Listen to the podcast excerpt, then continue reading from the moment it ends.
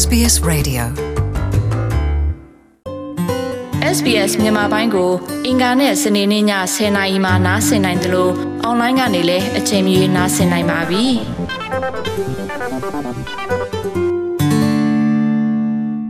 ကျောင်းနေစာရွယ်သမီးငယ်ကိုပိုင်ဆိုင်ထားတဲ့မဲ့ရင်မျိုးလိုက်ဟာစိတ်ပူပင်မှုတွေနဲ့အလောက်လောက်ကိုင်းနေရပါတယ်။အကြောင်းရင်းကတော့အဲ့ဒီသမီးငယ်ရဲ့ဘဝလုံခြုံရေးအတွက်ပါ။ မြန်မာနိုင်ငံရဲ့လက်ရှိအခြေအနေမှာတော့တက်ငယ်မရိမှုဖြစ်ပွားမှုဟာများပြားနေပါတယ်။မရိမှုတွေရဲ့သုံးပုံနှစ်ပုံလောက်ဟာအသက်မပြည့်သေးတဲ့ကလေးငယ်တွေကျူးလွန်ခံနေရတာပါ။လက်တလောမှာလည်းနေပြည်တော်မှာရှိတဲ့ပုဂ္ဂလိကကျောင်းတစ်ခုမှာအသက်3နှစ်အရွယ်ကလေးငယ်တူအရမပြုကျင့်ခံရတဲ့တဲ့ရင်ကတော့ပြည်သူတွေကြားစိတ်ဝင်စားစရာဖြစ်နေပါတယ်။ နေပြည်တော်တပြေကုန်းရက်ကွက်မှာရှိတဲ့ Wisdom Hill မူကြိုကျောင်းတက်ရောက်နေတဲ့ကလေးငယ်ဟာမေလ16ရက်ကမဖွဲမရပြုကျင့်ခံခဲ့ရတာပါမိခင်ဖြစ်သူကတတိပြုမိပြီးရာဇသက်ကြီးပုံမှ306မြင်းဆောင်9တစ်တစ်နဲ့တပြေကုန်းမြို့မှရဲစခန်းမှာအမှုဖွင့်တိုင်ကြားခဲ့ပါတယ်တရခန်ဖော်ထုတ်ရာမှာကြန့်ကြာတာတွေနဲ့ပတ်သက်ပြီးဝေဖန်မှုတွေလည်းမြင့်တက်ခဲ့တာဖြစ်ပါတယ်။ အဲ့ဒီလိုသတင်းတွေကြားတဲ့အခါမှာတော့မက်ရင်မျိုးလိုင်တို့လိုမိဘတွေရဲ့စိတ်ပူပန်မှုကလည်းပိုပြီးမြင့်တက်လာခဲ့ပါတယ်ပထမခံစားချက်ကစိတ်မကောင်းဒီလိုသတင်းတွေကြားရရင်တအားကို short အရင်ဖြစ်တယ်ပေါ့နော်နောက်တစ်ခုကကြတော့ဘယ်လိုခံစားရလဲဆိုစိတ်ပူစိတ်ဖြစ်လာတယ်စိတ်ပူလာတယ်ကိုမှလည်းဟိုပြောချင်တာကိုထိထိတာဘို့ထက်ဆိုင်ကိုပတ်ဝန်းကျင်မှာကိုလည်းသမီးမင်းကလေးမွေးထားတယ်ဒါအပြင်ကိုကိုပတ်ဝန်းကျင်မှာရှိနေတဲ့ကလေးငယ်တွေရော ဘာလို့မလုံခြုံတော့တာလဲဆိုတော့စိုးရိမ်ချက်တွေဖြစ်လာတယ်ကျမတို့နိုင်ငံကြီးကဘယ်နေရာတော့သားမလုံခြုံတော့ဘူးလားဥပမာကျောင်းဆိုလဲကျောင်းကျောင်းပို့တာတော့ဒီကလေးအတွက်မလုံခြုံဘူးကျမတို့သိထားတာဒီလိုမျိုးစတင်ကျောင်းဆိုတာဒါကလေးတွေအတွက်သူတို့ငငယ်ထဲကဟိုကြီးလာကြီးပြင်းလာတဲ့အချိန်ထိဒီလိုမျိုးစတင်ချောင်းဆိုတဲ့နေရာကသူတို့ပြုပြင်ပြောင်းလဲပေးတယ်သူတို့စိတ်ဓာတ်တွေကိုမြင့်တင်ပေးတယ် သူတို့စ조사ခြင်းစိတ်တွေဖြစ်လာအောင်လုပ်ပေးတယ်ဆိုတဲ့နေရာပေါ့ဒါပေမဲ့အခုနောက်ပိုင်းကကျောင်းဆိုတဲ့နေရာကြီးမှာဒီလိုမျိုးဖြစ်လာရဆိုတော့ကျမတို့အမျိုးသမီးတွေကကလေးတွေမှာမဟုတ်အမျိုးသမီးတို့တွေအားလုံးကဘယ်နေရာတော့သွားမလုံခြုံတော့ဘူးလားပေါ့ကိုယ့်အိမ်မှာကိုနေတော့အိမ်မှာတက်ပြီးတော့မှစော်ကားခံရတယ်ကလေးတငယ်ဆိုဒီမှာအသက်18နှစ်မပြည့်သေးသောသူကိုဆိုသည်ဟုကလေးအခွင့်အရေးများဆိုင်ရာဥပဒေမှာအတိတ်ပဲဖွင့်ဆိုထားပါတယ်။ မြန်မာနိုင်ငံတော်ဝန်မှာတော့2019ဧပြီလကနေ2018ဧပြီလအတွင်းမရိမှု1405မှုရှိတဲ့အထက်မှာအသက်မပြည့်သေးတဲ့တက်ငယ်မရိမှု898မှုရှိတယ်လို့ပြည်ထရေးဝန်ကြီးဌာနရဲ့ဖော်ပြချက်အရသိရပါတယ်။စရင်အရတရက်မှာပြင်းမြမိန်းကလေးငယ်၄ယောက်နှုန်းမရင်းကျင့်ခံနေရတဲ့အခြေအနေပါ။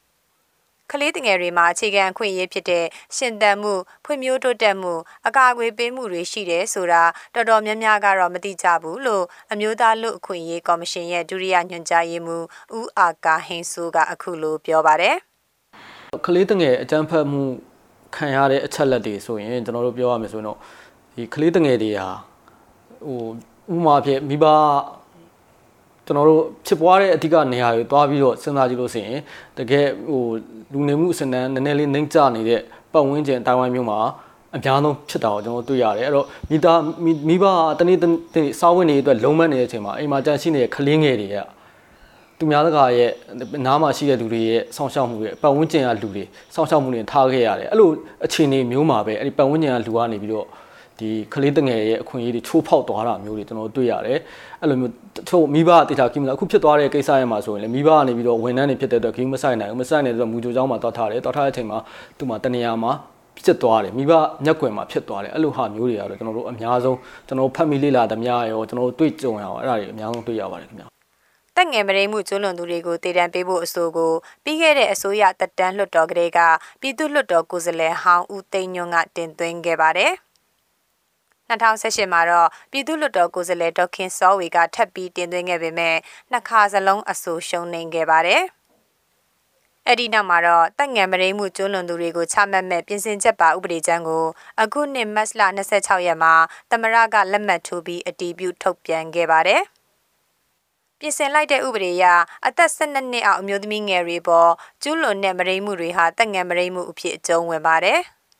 အမြင့်ဆုံးထောင်ဒဏ်တစ်သက်ဒါမှမဟုတ်အနှစ်20အထိချမှတ်ခံရပြီးတော့တရက်ခန့်သေဆုံးချိန်အထိထောင်ဒဏ်ကြခံသွားရမှာဖြစ်ပါတယ်။ကလေးတငယ်အရေးကိုဆောင်ရွက်နေတဲ့အဖွဲ့အစည်းတွေအနေနဲ့တော့ပညာပေးတွေလှုပ်ဆောင်နေပေမဲ့တက်ငယ်မရင်းမှုတွေရော့မသွားပဲပိုတိုးလာစေပဲလို့ရခိုင်မျိုးသားပါတီ ANP ကလွှတ်တော်ကိုယ်စားလှယ်ဒေါက်ခင်စောဝေကအခုလိုပြောပါတယ်ပေးတယ်ပေးရောတကယ်ရောမလားအခုလည်းသူတို့ကိုလုံးဝထောင်တယ်ငါနေတောင်မှထောင်ငါနေတောင်မှ မလွတ်လောက်အောင်ဒီဥပဒေတွေပြုထားပြီးဖြစ်တယ်နော်အဲ့ဒီအတွက်ကြောင့်ဟိုဆရာမအဆိုတင်ပြီးနောက်မှလည်းဒီဆရာမတို့နောက်ထပ်ဒီဥပဒေအသစ်ဖြစ်လာပြီးနောက်မှလည်းဂျိုကြားဂျိုကြားနဲ့အခုဆိုရင်တော်တော်များများကိုတက်နေမတိမုံတွေကတော်တော်လေးကိုလိုင်းပေါ်မှာတွေ့ရအဲ့ဒါကြောင့်လွှတ်တော်ကစင်ကားရဲနဲ့ခေါ်မယ်ဆရာမတို့အနေနဲ့လည်းအခုလိုဒီမှာဖြစ်တော့အဲဖြစ်ပေါ်တော့တဲ့ဒီဗစ်တိုးရီးယား ကောင်မလေးလေးလိုပေါ့နော်နေပြီးတော့ကိုပိုင်ကျောင်းနေနောက်တစ်ခါလှိုင်ပါယာမှာဖြစ်တော်တဲ့နော်ကလေးသူငယ်လေးတွေနောက်တစ်ခါတခြားနေတွေမှာပေါ့နော်အဲ့လိုကလေးတွေစာသင်ရင်းနဲ့ဖုန်ကြီးကဖုန်ကြီးကိုပြုစုဖို့ခိုင်းရင်းနဲ့မတင်းချင်းခံရတာတွေဒီမီဒီယာမှာတက်လာတဲ့ဟာတွေကိုလည်းဆရာမတို့အနေနဲ့ဘာတစ်ခုလုပ်ရင်ကောင်းမလဲဆိုတာကိုတော့ဆရာမတို့ဆွေးနွေးဖို့ရှိပါတယ် တက်ငယ်မရိမှုဖြစ်လာတဲ့အခါကျူးလွန်ခံရတဲ့မိသားစုကိုပြစ်မှုကျူးလွန်တဲ့အာဏာရှိပုဂ္ဂိုလ်တွေကငွေကြေးနဲ့ဖျားယောင်းတာတွေရှိပါတယ်။ဒါတွေကိုတရားမစွဲနိုင်အောင်ဆောင်ရွက်ပေးတဲ့ပုဂ္ဂိုလ်တွေကိုဥပဒေနဲ့အညီအရေးယူဆောင်ရွက်တဲ့နယ်လို့လွတ်တော်မှာဆွေးနွေးတာတွေလည်းရှိခဲ့ပါတယ်။မြန်မာနိုင်ငံမှာတော့ကလေးတငယ်နဲ့အမျိုးသမီးများလိင်အကြမ်းဖက်ခံရမှုမှာအဆိုးရွားဆုံးဖြစ်တယ်လို့ဖော်ပြထားပါတယ်။ မြန်မာနိုင်ငံမှာပြဋ္ဌာန်းထားတဲ့ဥပဒေတွေရှိနေပေမဲ့လိုက်နာတဲ့အပိုင်းတွေမှာအားနည်းနေသေးပဲလို့ရခိုင်အစိုးရလက်ထက်ကလွှတ်တော်ကိုယ်စားလှယ်အဟောင်းဖြစ်သူတရားလွှတ်တော်ရှေ့နေဖြစ်တဲ့ဦးသိန်းညွန့်ကဆိုပါတယ်ကျွန်တော်တို့တင်တော့အဲ့လိုမရှိခဲ့ဘူးเนาะအခုဆိုရင်ဟာကြောက်ကမန်းလေးကြီးခရီးသူငယ်ပရိမှုကတစ်နှစ်တော့တစ်နှစ်တိုးလာတယ်အတက်ကပရိမှုလောက်ကြလာဖို့ဆိုတော့အရင်ဆုံးလုပ်ရမှာတော့ဘုရားလွတ်တော်ကလီเนาะဒီ ကလေးသူငယ်ပရိကောင်လေးကြောက်လန့်သွားအောင်ပေတံပေးဖို့လိုတာပေါ့ပေတံဘာမှရှော့ပေးကြမရှိဘူးပေါ့ဒုတိယချက်ကလည်းအခုလိုဖြစ်ပြလာတဲ့အကြောင်းရင်းတွေနဲ့ပတ်သက်ရင်ဘာကြောင့်လဲဆိုတာနော်ဥပဒေပညာရှင်တွေလူမှုရေးပညာရှင်တွေကလေးသူငယ်ရေးကိုအလေးထားတဲ့လူတွေအားလုံးပေါင်းပြီးအဖြေရှာဖို့လိုတာပေါ့မြန်မာနိုင်ငံမှာ1993ခုနှစ်ကတည်းကကလေးတငယ်အခွင့်အရေးဆိုင်ရာဥပဒေရှိနေပေမဲ့လက်တွေ့ကျင့်သုံးရာမှာတော့အားနည်းနေသေးပါ။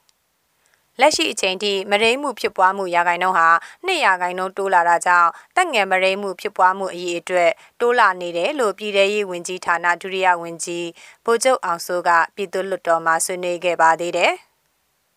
တက်ငယ်မရိမှုမဖြစ်ဖို့အားလုံးကာကွယ်စောင့်ရှောက်ဖို့လိုအပ်ပြီးတက်ငယ်မရိကျူးလွန်ခံရတဲ့ကလေးတွေကိုလည်းစိတ်သက်တွေမြင့်တင်ပေးဖို့လိုတယ်လို့လူမှုဝင်းကျင်ဆွမ်းဆောင်ရေးမြင့်တင်ရေးအဖွဲ့ရဲ့ Program Manager ကိုပီတာကအခုလိုပြောပါတယ်။ ကလေးတယောက်က စိတ်ပိုင်းဆိုင်ရာဟိုဒါဒီဒီလိုမျိုးတငယ်မရင်းကဒါခန္ဓာကိုယ်ပိုင်းရော စိတ်ပိုင်းဆိုင်ရာကိုကိုရိုက်ချိုးလို့ ဖြစ်သွားတာဟုတ်အကောင်းဆုံးကတော့ ကုသခြင်းကထဲကာကွယ်ခြင်းတော့ ပိုကောင်းတာပေါ့ ဒါကြောင့်ကျွန်တော်ကာကွယ်ခြင်းဘက်ကို ဘယ်လိုသွားမလဲဆိုတာပဲတက်ဆိုင်ရာကျွန်တော်တို့ဝင်ကြီးဌာနတွေတက်ဆိုင်ရာ ပုံကိုယ်တွေနဲ့ ထပ်ပြီးတော့မှ ရှိပြီးသားစနစ်တွေကို ပိုကောင်းလာအောင်နဲ့ ရှိပြီးသား ဥပဒေတွေ တကယ်ပဲ အသက်ဝင်အောင် တကယ်ပဲ လှုပ်ရှားနိုင်အောင်ကျွန်တော်ကြိုးစားရမှာ တက်ငယ်မရိမှုဖြစ်စဉ်မှာတော့ကျူးလွန်သူတွေဟာသစိမ့်ထက်အနေနီးတဲ့ပတ်ဝန်းကျင်ကလူတွေပိုများတာတွေ့ရတယ်လို့သုံးသပ်ထားတဲ့အဖွဲ့အစည်းတွေလည်းရှိနေပါတယ်။တငယ်မရိမှုကျူးလွန်သူတွေကိုတရခံဖမ်းမိခဲ့ရင်တော့လွတ်ငင်းချမ်းသာခွင့်နဲ့ပြန်လည်လွတ်မြောက်လာမှာကိုစိတ်ပူနေရတယ်လို့ကလေးမိဘတွေကဆိုပါတယ်။အများစုကတော့ထိရောက်တဲ့ဥပဒေနဲ့ပြစ်ဒဏ်ချမှတ်ဖို့ကိုလိုလားနေကြတာပါ။ အမျိုးသမီးနဲ့ကလေးငယ်တွေအရေးပါဆောင်ရွက်နေတဲ့မတ်ရင်မျိုးလိုင်ကလည်းဒီကျူးလွန်တဲ့သူတွေကိုထထရရောက်တဲ့အရေးယူပေးရမယ်ပြီးရင်ဥပဒေမှာလည်းဒီလူတွေကိုတည်တံထိချနိုင်အောင်လုပ်ကိုလုပ်ရမယ်ဒီထက်အာဘယ်လိုပြောမလဲဒီကြီးလေးတဲ့အပြည့်တွေရှိရင်တော့ပို့ပြီးတော့မှလုပ်စေချင်တယ်နိုင်ငံတနိုင်ငံရဲ့အနာဂတ်ဟာကလေးတွေအပေါ်မူတည်နေတယ်လို့ဆိုလို့ရှိပါတယ်။ ကလေးတွေရဲ့ဘဝလုံခြုံမှုနဲ့အတူပြည်သူတွေအေးချမ်းစွာနေထိုင်ရေးအတွက်ကဥပဒေစိုးမိုးမှုဟာအရေးပါလှပါတယ်။ဥပဒေချိုးဖောက်သူတွေကိုထိရောက်တဲ့အပြစ်ဒဏ်နဲ့အတူတိကျတဲ့ဆုံးဖြတ်မှုတွေရရှိစေဖို့ Winston Hill မူကြိုကျောင်းကကလေးလိုအဖြစ်မျိုးတွေနောက်ထပ်ထပ်မဖြစ်စေဖို့မတ်ရင်မျိုးလိုက်အပါအဝင်ပြည်သူတွေကမျှော်လင့်နေကြပါတယ်။ဒီသတင်းကိုတော့တန်လွင်ခက်ကပေးပို့ထားတာဖြစ်ပါတယ်။ SBS Radio App ကို download လုပ်ပြီးနားဆင်မှတ်ချက်ပြုနိုင်ပါတယ်။ဒါရိုက်သို့မဟုတ်အချိန်မီနားဆင်နိုင်ပါပြီ။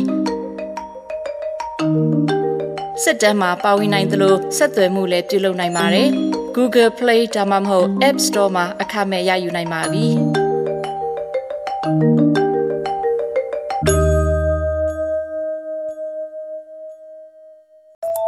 sbs.com.au